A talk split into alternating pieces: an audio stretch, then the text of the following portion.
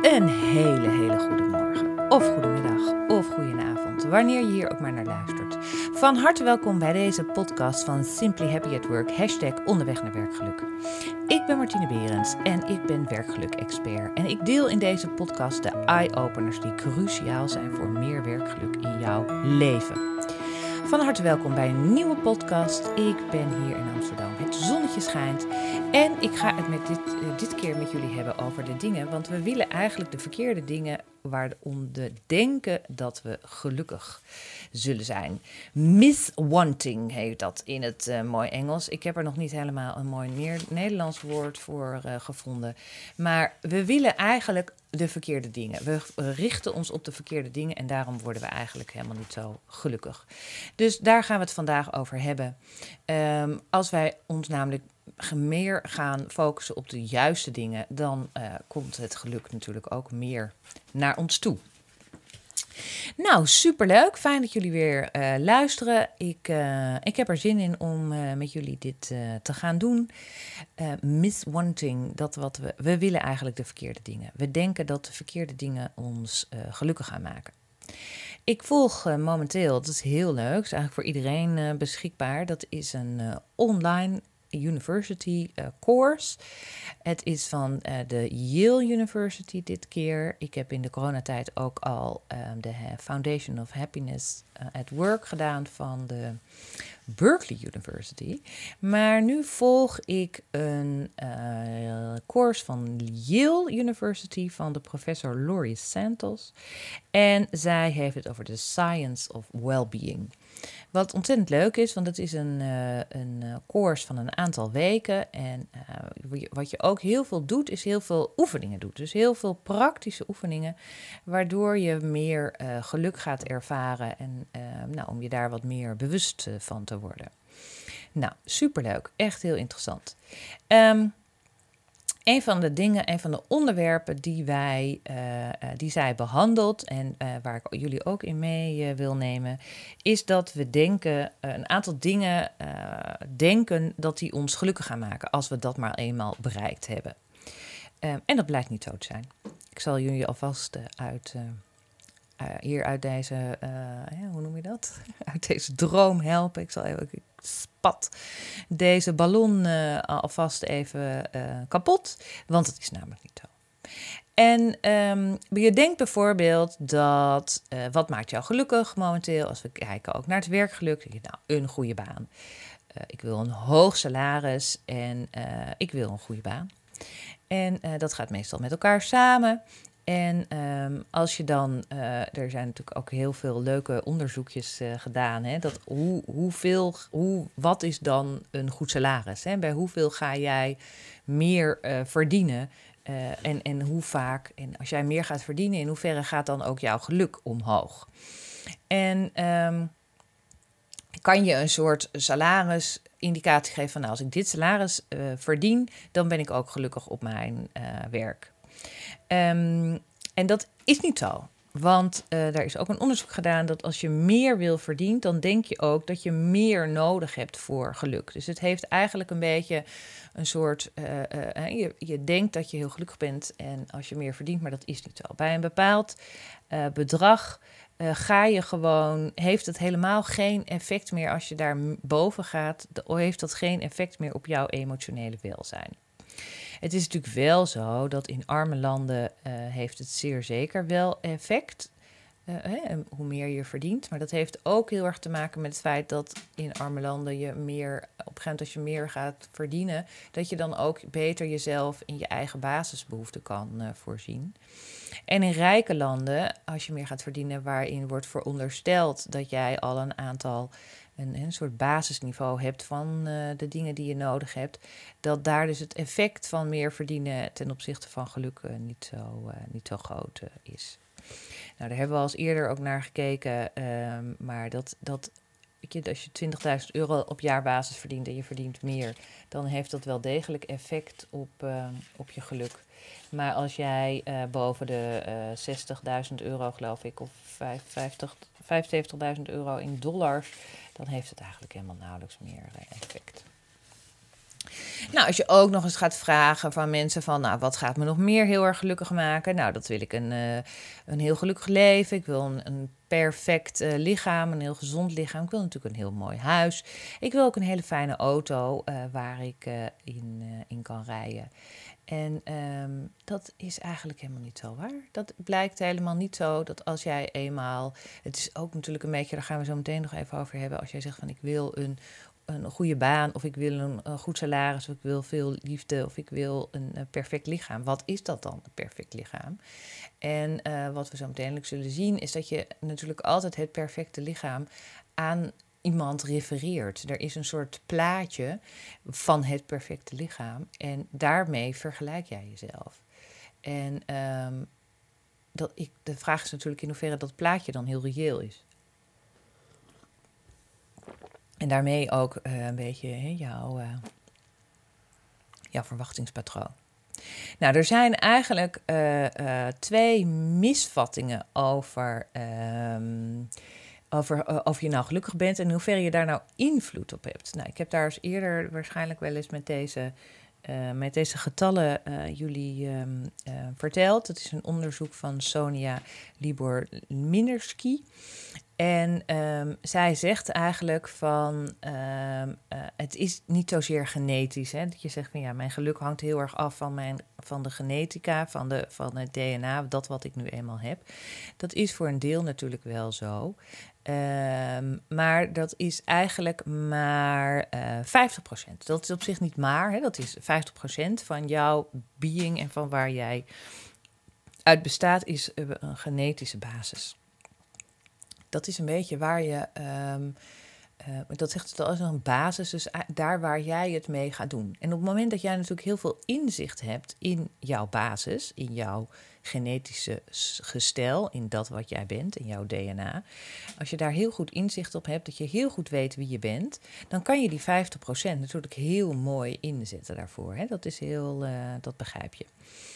Um, 10%, je hebt soms wel eens mensen die zeggen van ja, nou ja, hij heeft altijd geluk. Of ja, nou weet je, bij hem is het, valt het kwartje altijd de juiste kant op. Of ja, nee, hij wordt natuurlijk weer aangenomen. Of ja, hij komt of zij komt natuurlijk weer in aanmerking voor deze promotie. Ik heb weer deze vervelende uh, manager waarmee ik te maken heb. Of mijn collega's werken niet met mij mee. Nou, dat deeltje hè, van uh, wat invloed heeft op jouw geluk, dat is eigenlijk, als je dat heel goed naar gaat kijken, wat dus die Sonja Lior Bormierski heeft gedaan. Die zegt dat is maar 10%. 10% hangt eigenlijk maar af van de omstandigheden waarom jij gelukkig bent. En dus is het goede nieuws, als je dus even die 50% van jouw genetica, jouw DNA, dat wat jij bent, jouw constante factoren, plus die 10% van de omstandigheden, dan hou je 40% over.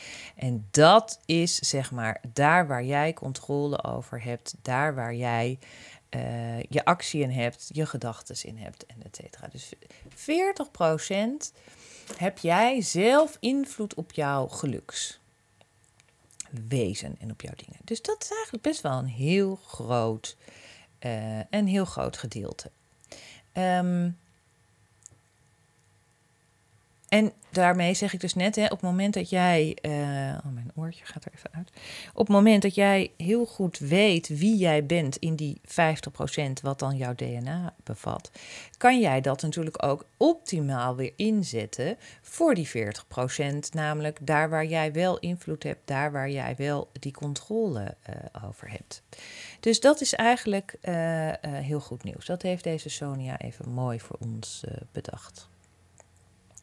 Nou, waarom, is, waarom denken wij dat een goede baan, veel salaris, veel materie, uh, de nieuwste iPhone, de nieuwste gadget, de mooiste auto, echt liefde, uh, het perfecte lichaam, goede cijfers als jij op een uh, universiteit nog zit of dingen. Waarom denken wij allemaal dat dat ons gelukkig gaat maken? En um, dat, eh, dat de, de, hè, waar, waar, wat ook uit onderzoeken blijkt, is dat dat namelijk helemaal niet gelukkig gaat maken. Want wat is dan een goede baan? En wat is dan veel salaris? En wat is dan, uh, hè, als jij de nieuwste iPhone hebt, eh, ben je daar dan gelukkig mee? Ja, daar ben je gelukkig mee. Dat blijkt ook wel. Hè? Dat is ook helemaal niet dat is niet zo dat dat niet zo is. Alleen het effect daarvan is niet zo groot. Misschien kan je bij jezelf ook wel eens even nagaan als jij dan iets heel graag wil, iets in een materieachtig iets, dat als je dat dan eenmaal hebt, um, dat je daar dan op een gegeven ogenblik um, ook wel weer soort van aan. En dat je daarmee ook weer een soort vervolg, hè, het volgende wil. Het is grappig, want deze uh, Laurie Santos, deze professor die gaat dus, die geeft deze koers online. Maar die zit met haar studenten, met een aantal van haar uh, studenten zit ze in haar soort woonkamer. Het heeft ook een hele leuke huiselijke setting. Kan het je aanraden om daar uh, naar te kijken en om dat te gaan volgen, deze koers. En uh, zij zegt ook van, weten jullie nog dat jullie toegelaten werden tot Yale? Hè? Yale is natuurlijk een van de vooraanstaande universiteiten in, uh, in Amerika. En weet je nog hoe gaaf je dat vond? Hoe geweldig je dat vond en hoe blij je daarmee was dat jij naar Yale mocht? Geldt natuurlijk ook voor alle andere universiteiten. Maar goed, zij zit nu eenmaal daar. Dus dat... En dan zeggen al die. En zegt ze, en nu ben je daar. En nu zit je hier twee jaar. Of, uh, hè, en, en eigenlijk, je, iemand anders moet jou nog eens een keertje vertellen van jeetje, zit jij op Yale, wat gaaf, wat mooi dat je dat hebt gedaan. En voor jou is dat al min of meer een soort, ja, dat is nou eenmaal zo, ik zit hier. En, en het geluksmoment van, als jij denkt bij jezelf van, oh, als ik helemaal op Yale zit, dan heb ik het bereikt. En als je nu dan teruggaat, als je daar dus nu een tijdje zit, dan moesten die studenten ook inderdaad um, erkennen, of, of ja, het heeft niet zoveel met erkenning te maken, maar die moest inderdaad ook zeggen van ja, ik, ik zit hier nu eenmaal en ja, voor mij is het niet meer zo bijzonder. Misschien dat het voor de buitenwereld dan nog wel bijzonder is, maar voor mij eigenlijk niet meer zoveel. Dus dat, dat zie je dat, um, dat, dat zo, dat, dat zo uh, uh, werkt. Wat er verder ook nog een keertje, wat ook vond ik echt wel een heel erg um, belangrijk, um, van grappig onderzoek, onder Harvard uh, studenten. En dat is een onderzoek uit 1998. En um, de Harvard studenten kregen de vraag voorgelegd: welk salaris zou jij willen? De eerste optie was: jij zelf krijgt 50.000 euro. En de rest van de mensen om jou heen die hetzelfde werk doen, krijgen 25.000 euro. Dus jij verdient het dubbele van de anderen. En optie 2 was, jij krijgt 100.000 euro. Best lekker bedrag, hè? Maar de rest om jou heen krijgt 250.000 euro. Dus die krijgen bijna 2,5 keer zoveel. Maar jij krijgt 100.000 euro, hè?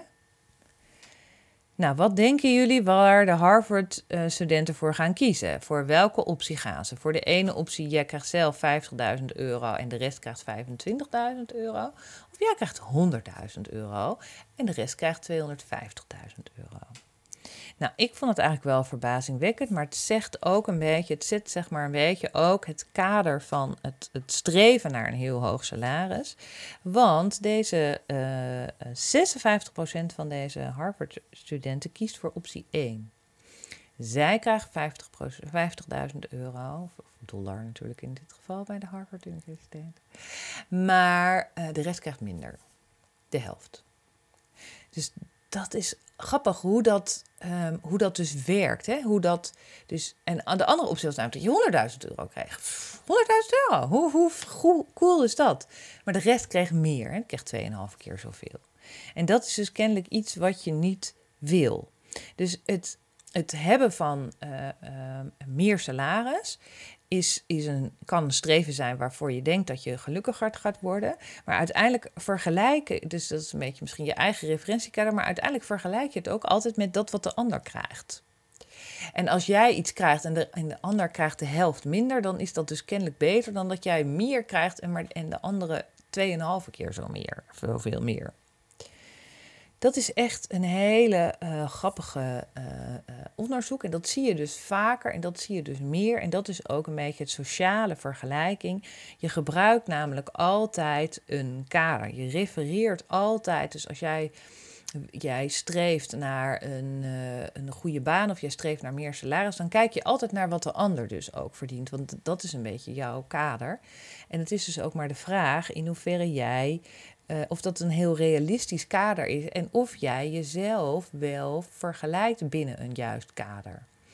Dus als jij, ehm, eh, ehm, als jij bijvoorbeeld eh, wil, eh, iets wil bereiken of iets wil zijn en je vergelijkt je met een Beyoncé of met een Michelle Obama, ja, dan is jouw referentie altijd wel heel erg ingewikkeld.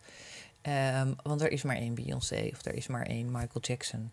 En, maar dus is de vraag heel erg van, maar kijk jij wel, heb jij wel het juiste referentiekader voor je? Is dit wel echt interessant? Kan, als jij die 100.000 euro kan verdienen en de rest verdient 250.000 euro, maar de rest is ook in een soort range waarin jij helemaal nooit terecht zou kunnen komen, dan is het dus helemaal niet realistisch om je daarmee te vergelijken. Dus dat is echt wel een heel erg ehm, grappig iets, waardoor je dus je meestal hè, het is heel logisch dat je jezelf vergelijkt en dat je daar ook een sociale vergelijking over hebt.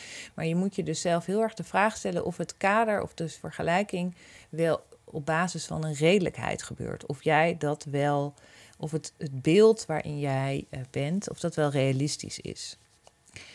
En dus vergelijk jij jezelf al met dezelfde mensen, met gelijkgestemde mensen, of, of heb jij altijd een ander kader voor je wat helemaal niet realistisch is?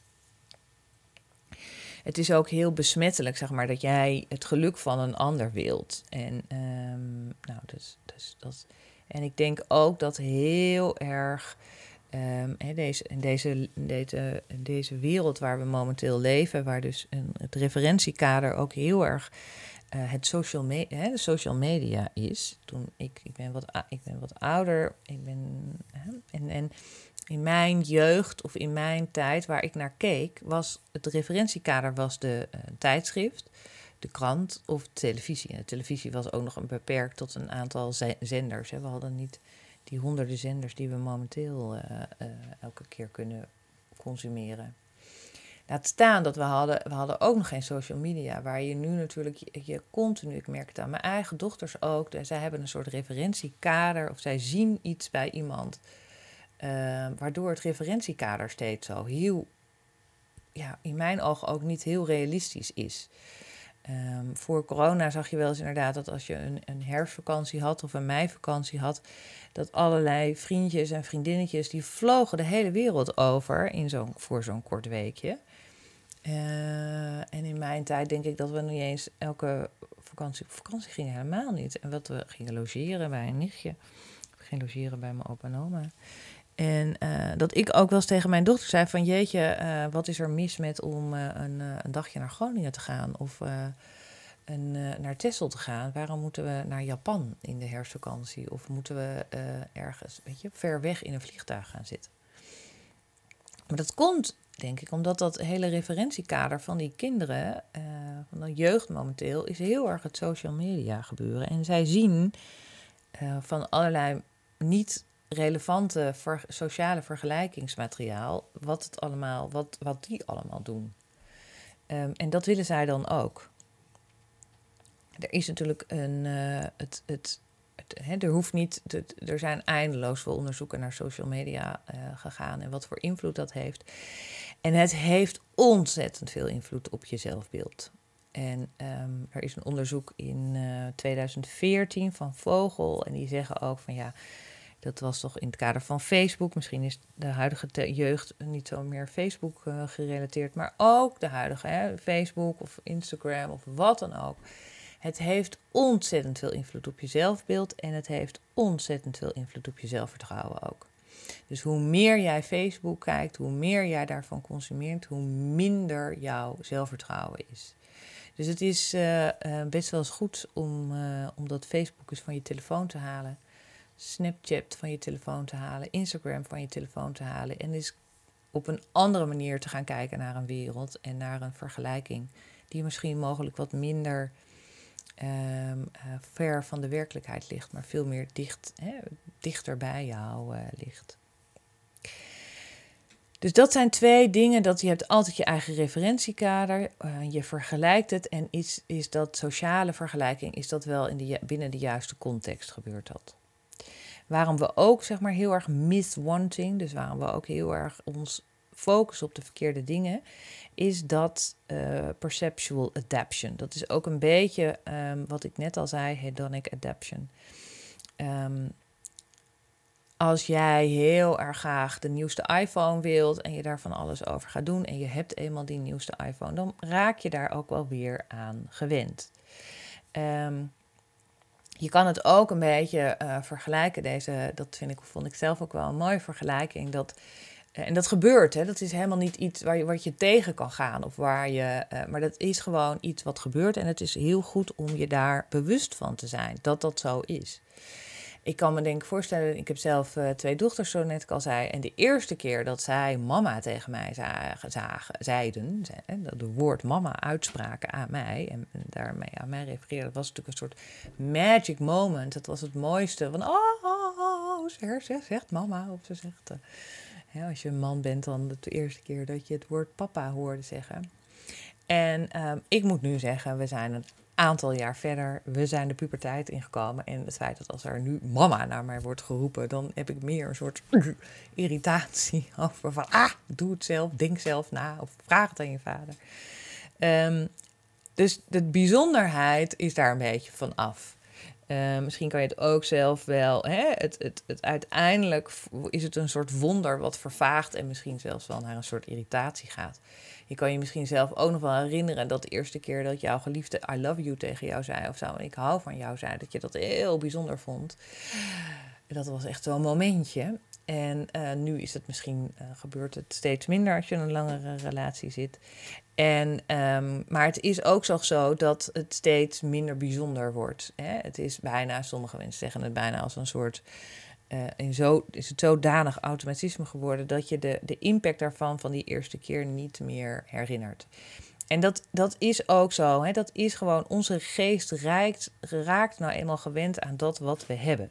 Je raakt gewend aan spullen, je raakt gewend aan een nieuwe standaard. En je bent dus altijd weer een soort herijken van dat, van dat standaard. Als je ook kijkt bijvoorbeeld bij werkgeluk, als jij een werkgever hebt waar super lekkere koffie is, waar een pingpongtafel staat en waar je op vrijdag elke keer een gezellige borrel hebt, waar je leuke vakanties zelf samen hebt, waar je elk jaar een soort geweldig diner hebt, dan en als jij gaat naar een andere werkgever, dan is dat voor jou bijna een soort basis geworden. En dan hoop je, en dan ga je er eigenlijk vanuit dat er alleen maar dat dat nieuwe werk, dat er iets nieuws is of dat het iets meer is. Dus het, het is elke keer um, gaat dat, uh, hè, wil je daar meer van? En is, het is maar de vraag in hoeverre je daarmee als werkgever ook op in moet spelen. Omdat uiteindelijk is het natuurlijk, the sky is the limit. Het is nooit genoeg. Er komt nooit een einde aan, want je raakt er elke keer aan gewend. En we uh, eigenlijk ook een vierde uh, in het kader van dit myth wanting is dat wij ons ook niet realiseren, dus vaak, dat ons brein ons ook een beetje voor de gek houdt. En um, dat is een beetje, uh, dus, dus er, er zit een soort, het, het is een illusie om te streven elke keer naar het volgende. En um, uh, wat je ook kijkt, is als je heel erg gaat kijken naar hoe jij denkt dat het zou zijn voor jou, dan blijkt ook in de praktijk dat dat helemaal niet zo is. Dus dat is ook een beetje hè, wat um, het, het, we, houden, ons, ons brein houdt ons een beetje voor de gek en daar zijn we ons niet genoeg van bewust. Um, wat dat bijvoorbeeld is, is dat jij heel slecht kan voorspellen um, uh, hoe het zou zijn voor jou als dingen eventueel fout gaan. Dus je kan een, uh, uh, een bijvoorbeeld een examen, examen moeten doen. En als jij dan voordat jij dat examen gaat doen, wordt gevraagd aan jou van wat als je het examen niet haalt, hoe slecht voel je je dan? Kan je daar cijfers aan geven?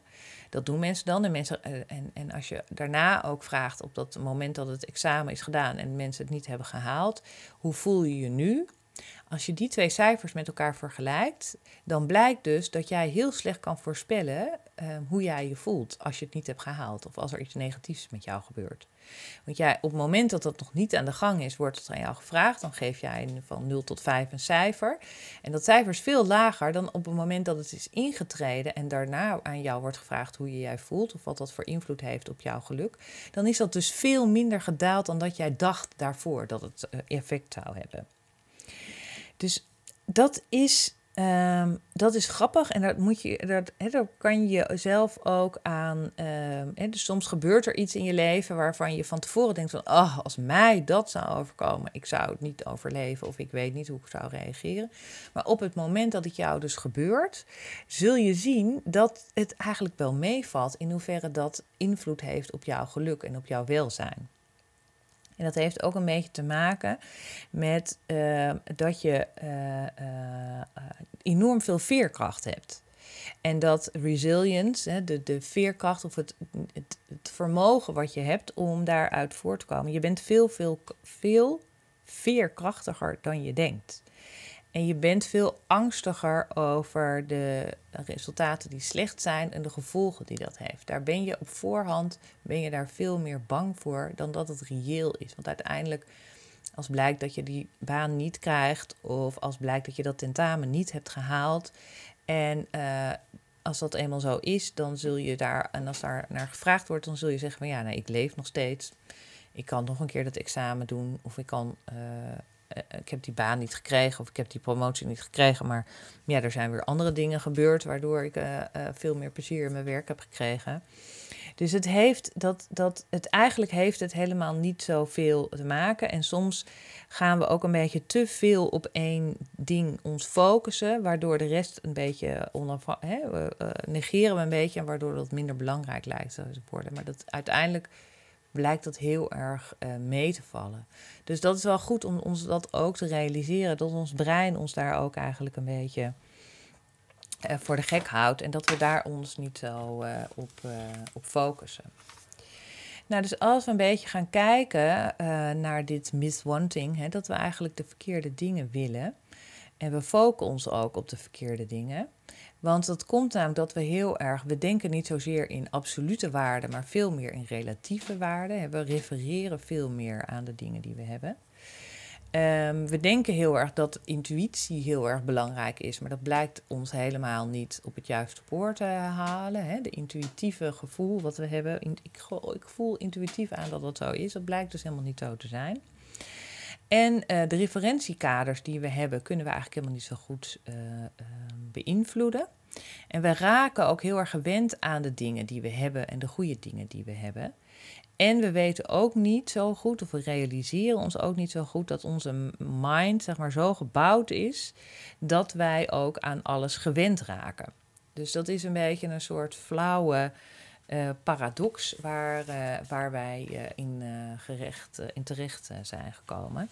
Dus er zijn eigenlijk best wel veel wat misvattingen waarom jij denkt van als ik maar streef naar een goede baan, als ik maar streef naar meer salaris, als ik maar um, uh, als ik die auto maar heb of als ik dat maar heb, dan zal ik gelukkig zijn. Nou, uiteindelijk blijkt dus dat dat niet zo is. En dat heeft dus te maken met deze vier, vijf dingen die ik net uh, noem. En ik denk dat het goed is om je daar wat meer bewust van te zijn dat dat zo werkt.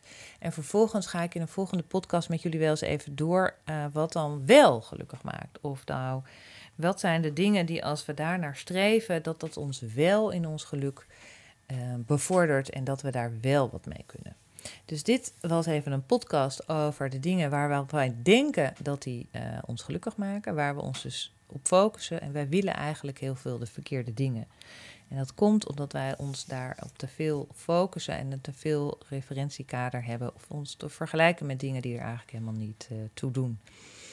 En um, daar kunnen we, dat is goed om ons daarvan bewust te zijn. En dan zal ik in een volgende podcast met jullie eens even vertellen waar we ons dan wel op kunnen richten. Wat ons wel uh, gelukkig maakt. Nou, superleuk om daar weer eens even met jullie uh, over te praten. Om ook eens even een beetje wat meer de wetenschap hierbij te nemen. Ik wil jullie hartelijk danken voor het luisteren naar deze podcast. Zoals je weet heb ik een hele serie opgenomen. Dit is seizoen 3. Je kan het uh, luisteren via Spotify, Google Podcast, Soundcloud. Leuk als je even wat reacties laat uh, weten. Of je dit ook interessant vindt. Of je andere dingen nog hebt ontdekt waarom jij op verkeerde zaken focust. En uh, nou, daar kunnen we dan de volgende keer het over gaan hebben. Zoals jullie weten geef ik ook les. Jullie kunnen mij live volgen, mijn live een les bij mij volgen voor uh, over werkgeluk bij de Bewustzijnsschool in Amsterdam. Dat doe ik om de week op de dinsdag. De volgende dinsdag is uit mijn hoofd gezegd de 22ste. Ik check het nog even in mijn agenda. Ja, dus de 22ste van 5 tot half 7. Je kan je aanmelden via OneFit of ClassPass of je kan een plekje reserveren via de website van de Bewustzijnsschool.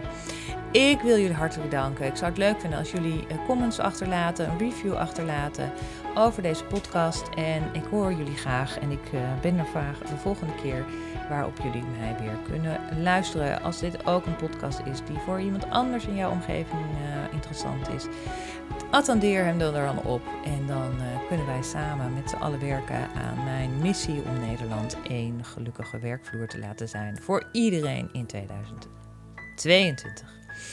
Super dank en tot de volgende keer.